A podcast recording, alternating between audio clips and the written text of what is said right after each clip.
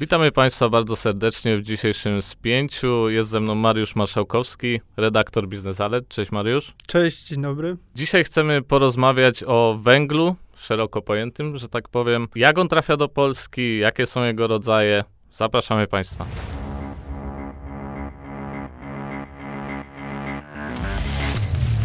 Mariusz, więc chciałbym na początek zapytać, żeby tak raz na zawsze rozwiać te wątpliwości odnośnie rodzaju węgla. Czym się różni ten dla przemysłu od tego dla gospodarstw domowych? To znaczy tutaj przede wszystkim można to podzielić na węgiel e, energetyczny, znaczy głównie energetyczny, który jest stosowany w różnych procesach produkcji energii elektrycznej, na przykład w elektrowniach czy w elektrociepłowniach. Mamy też węgiel koksujący, czyli węgiel przeznaczony do konkretnej gamy przemysłu, głównie metalurgicznego, hutniczego. Tam ten węgiel jest poddawany obróbce specjalnej w zakładach koksowniczych. Te koksownie produkują koks i ten węgiel węgiel koksujący jest wykorzystywany właśnie w, w, procesach metalurgicznych, w przemyśle ciężkim. No i mamy węgiel taki no, ciepłowniczy, który jest stosowany w najbardziej, naj, naj, najszerzej pojętym segmencie socjalno-bytowym, czyli mówiąc wprost, w domach, w gospodarstwach domowych, w ciepłowniach, w szklarniach. Jeżeli ktoś widział, jak funkcjonują szklarnie, szczególnie te większe, to one, no one zazwyczaj są ogrzewane albo piecami olejowymi, albo właśnie za pomocą węglowych. I tam stosowany jest węgiel ten ciepłowniczy, który jest, różni się od węgla energetycznego głównie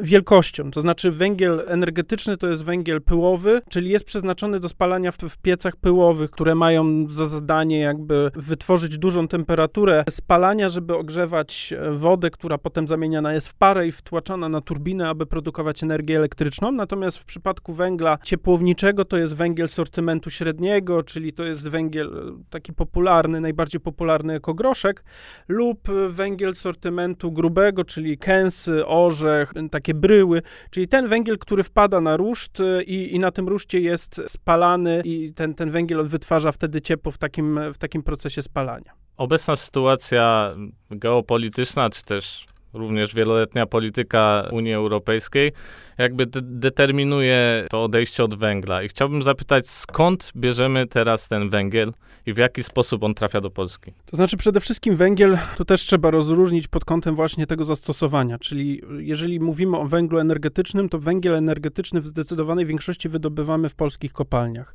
Ten węgiel jest wydobywany w polskich kopalniach, trafia do elektrowni na terenie Polski i tam jest spalany. Węgiel w Polsce, ten, który wydobywamy jest właśnie głównie węglem miałowym, czyli tym pyłowym, który mm, doskonale nadaje się do tych piecy, które są instalowane, czy były zainstalowane jeszcze w latach 70., 80. w polskich elektrowniach. Kilka elektrowni czy elektrociepłowni korzysta z węgla importowanego. To są głównie elektrownie czy obiekty energetyczne zlokalizowane na północy Polski. W Gdańsku elektrociepłownia Gdańsk, Dolna Odra, no i parę, parę jeszcze innych zakładów, które głównie importowały, no ze względów też e, ekonomicznych, ten, ten węgiel właśnie z zagranicy granicy, ale większość tego jednak węgla energetycznego, który spalany jest w, w polskich elektrowniach, trafia do tych elektrowni z polskich kopalń. Znaczy inaczej wygląda sytuacja z węglem kokso, koksującym, czyli z tym węglem do przemysłu metalurgicznego. Tam to już są specyficzne gatunki węgla, które głównie są importowane.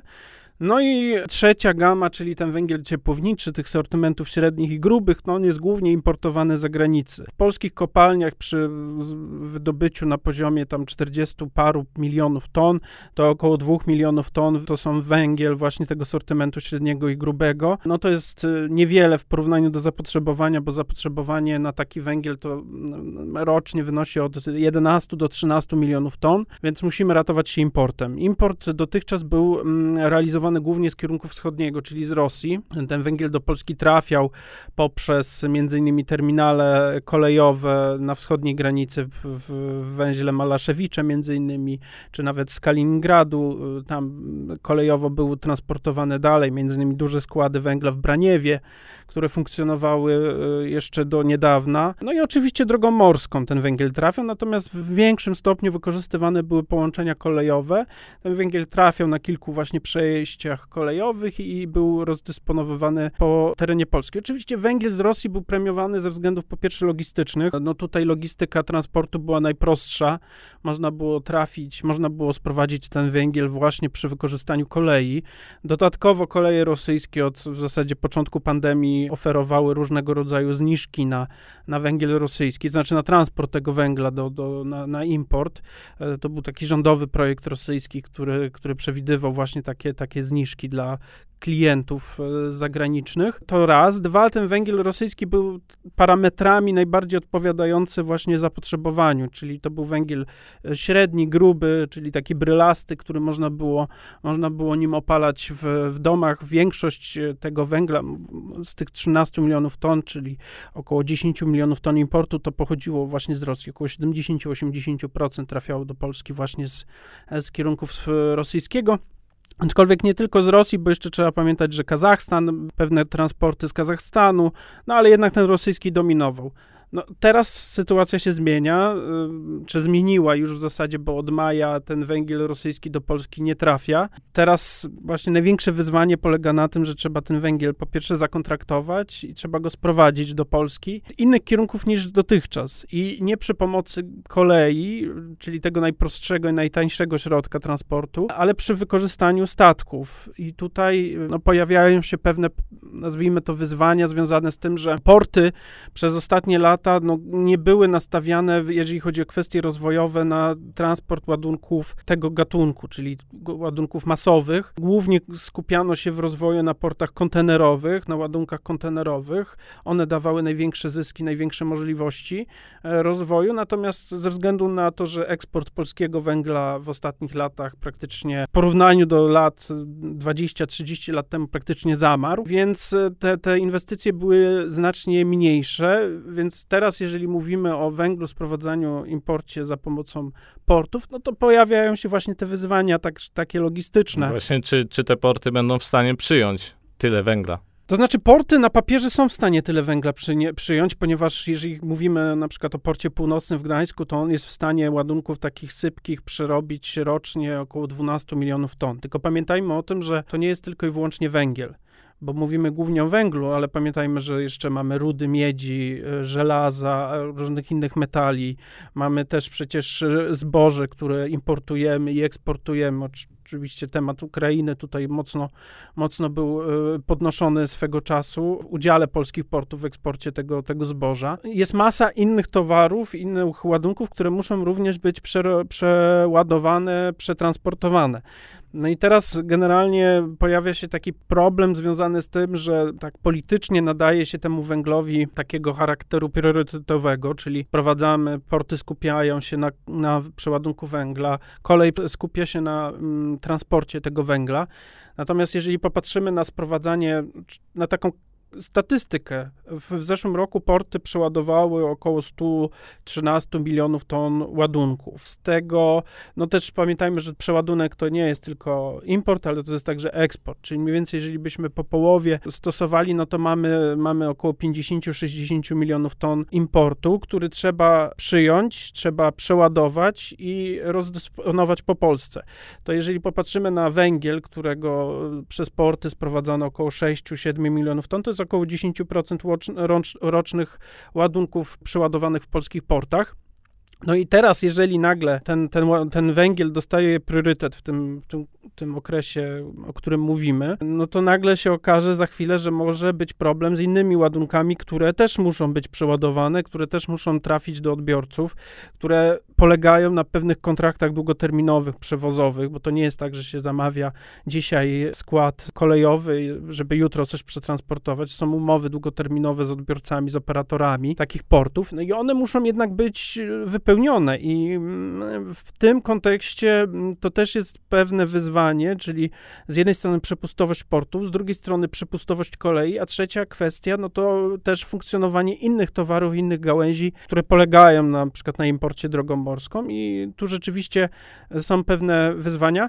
Natomiast węgiel do Polski, bo jeszcze tak odnosząc się do tego wcześniejszego pytania, no teraz głównie sprowadzamy, czy będziemy sprowadzać węgiel z kierunku Ameryki Południowej, między innymi Kolumbia, z Afryki, Mozambik, Kongo, no i Australia, czyli ten kierunek, z którego którym było swego czasu najgłośniej, natomiast on jest mniej reprezentatywny ze względu na też odległości. Pamiętajmy, że nawet węgiel z jakichś dalekich obszarów Rosji, głównie z, z mm, Kuzbasu, bo tam jest taki centrum wydobycia rosyjskiego węgla, no to transport tego węgla do Polski y, drogą kolejową to było dwa maksymalnie trzy tygodnie, jeżeli nie było żadnych problemów na, na trasie. Natomiast tutaj pamiętajmy, że transport e, z Kolumbii do, do Polski to jest około miesiąca, e, z Australii jeszcze dłużej, więc e, licząc jeszcze do tego przeładunek, składowanie tego węgla, potem załadunek na platformy kolejowe, na, na, na, na składy kolejowe i potem transport tego węgla do, do miejsc docelowych,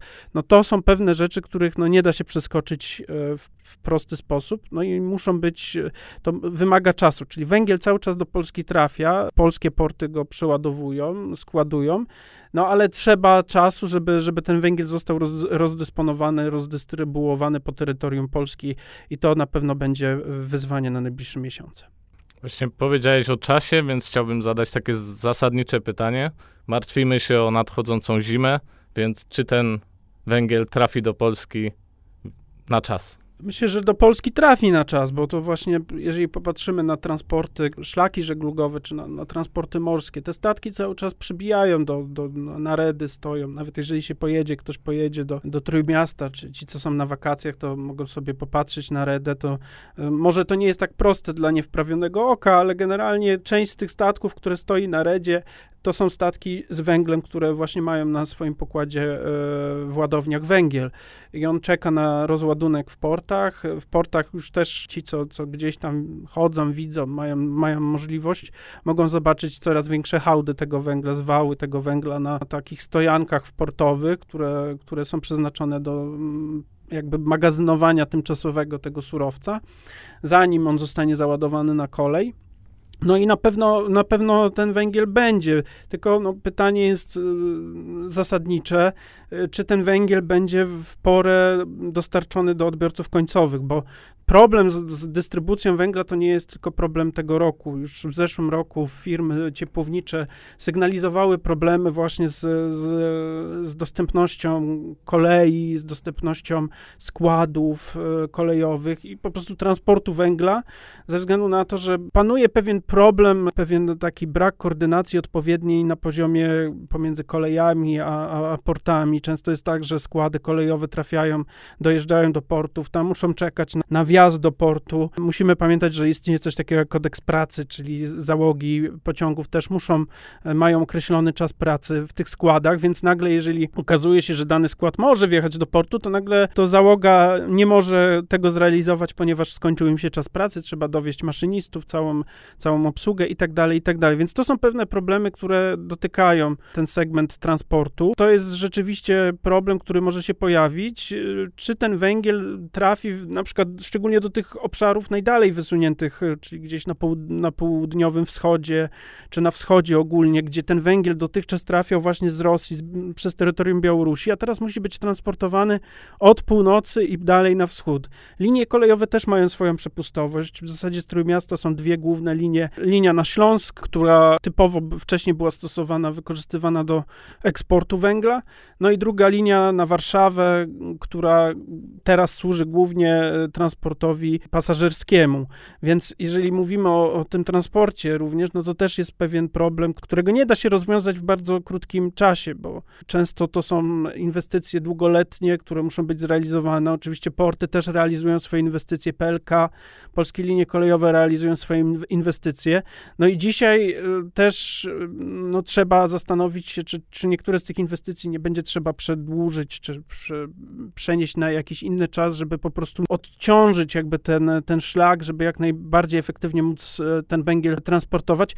Ale rzeczywiście jest problem, można go zauważyć poprzez komunikację różnych spółek. Jeżeli się rozmawia czy ze spółkami, które sprowadzają węgiel, tymi, które importują, czy które składują, czy transportują. A miałeś okazję nieraz? E, miałem, zresztą jak przygotowywałem materiał na ten temat, to, to wysyłałem pytania do poszczególnych i do portów, i do operatorów kolejowych, i do, do, do spółek energetycznych i powiem szczerze, no odzew jest, był mizerny. Proste, konkretne pytania dotyczące konkretne liczby, które powinny być szybko dostępne i łatwo dostępne, no niestety nie doczekałem się na odpowiedzi na te, na te, na te liczby, a to naprawdę nie było nic skomplikowanego. To, to były kwestie, które z perspektywy tych spółek powinny być proste do, do, do zakomunikowania, jeżeli oczywiście nie mają nic do ukrycia, bo jeżeli jest jakiś duży problem, to po prostu te, te firmy wolą zasunąć e, zmowę, jakąś mgłę milczenia, żeby po prostu tego nie drążyć. Natomiast e, widać przez ten brak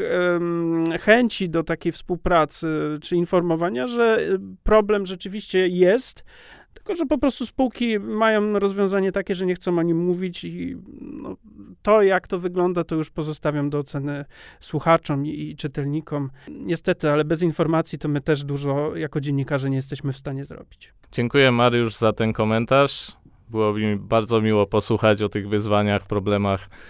E, a Państwa zapraszamy na e, naszą stronę internetową. E, czytajcie, słuchajcie, obserwujcie polecamy się. Mariusz, dziękuję jeszcze raz. Dziękuję serdecznie. Zapraszamy na kolejne spięcie w przyszłym tygodniu.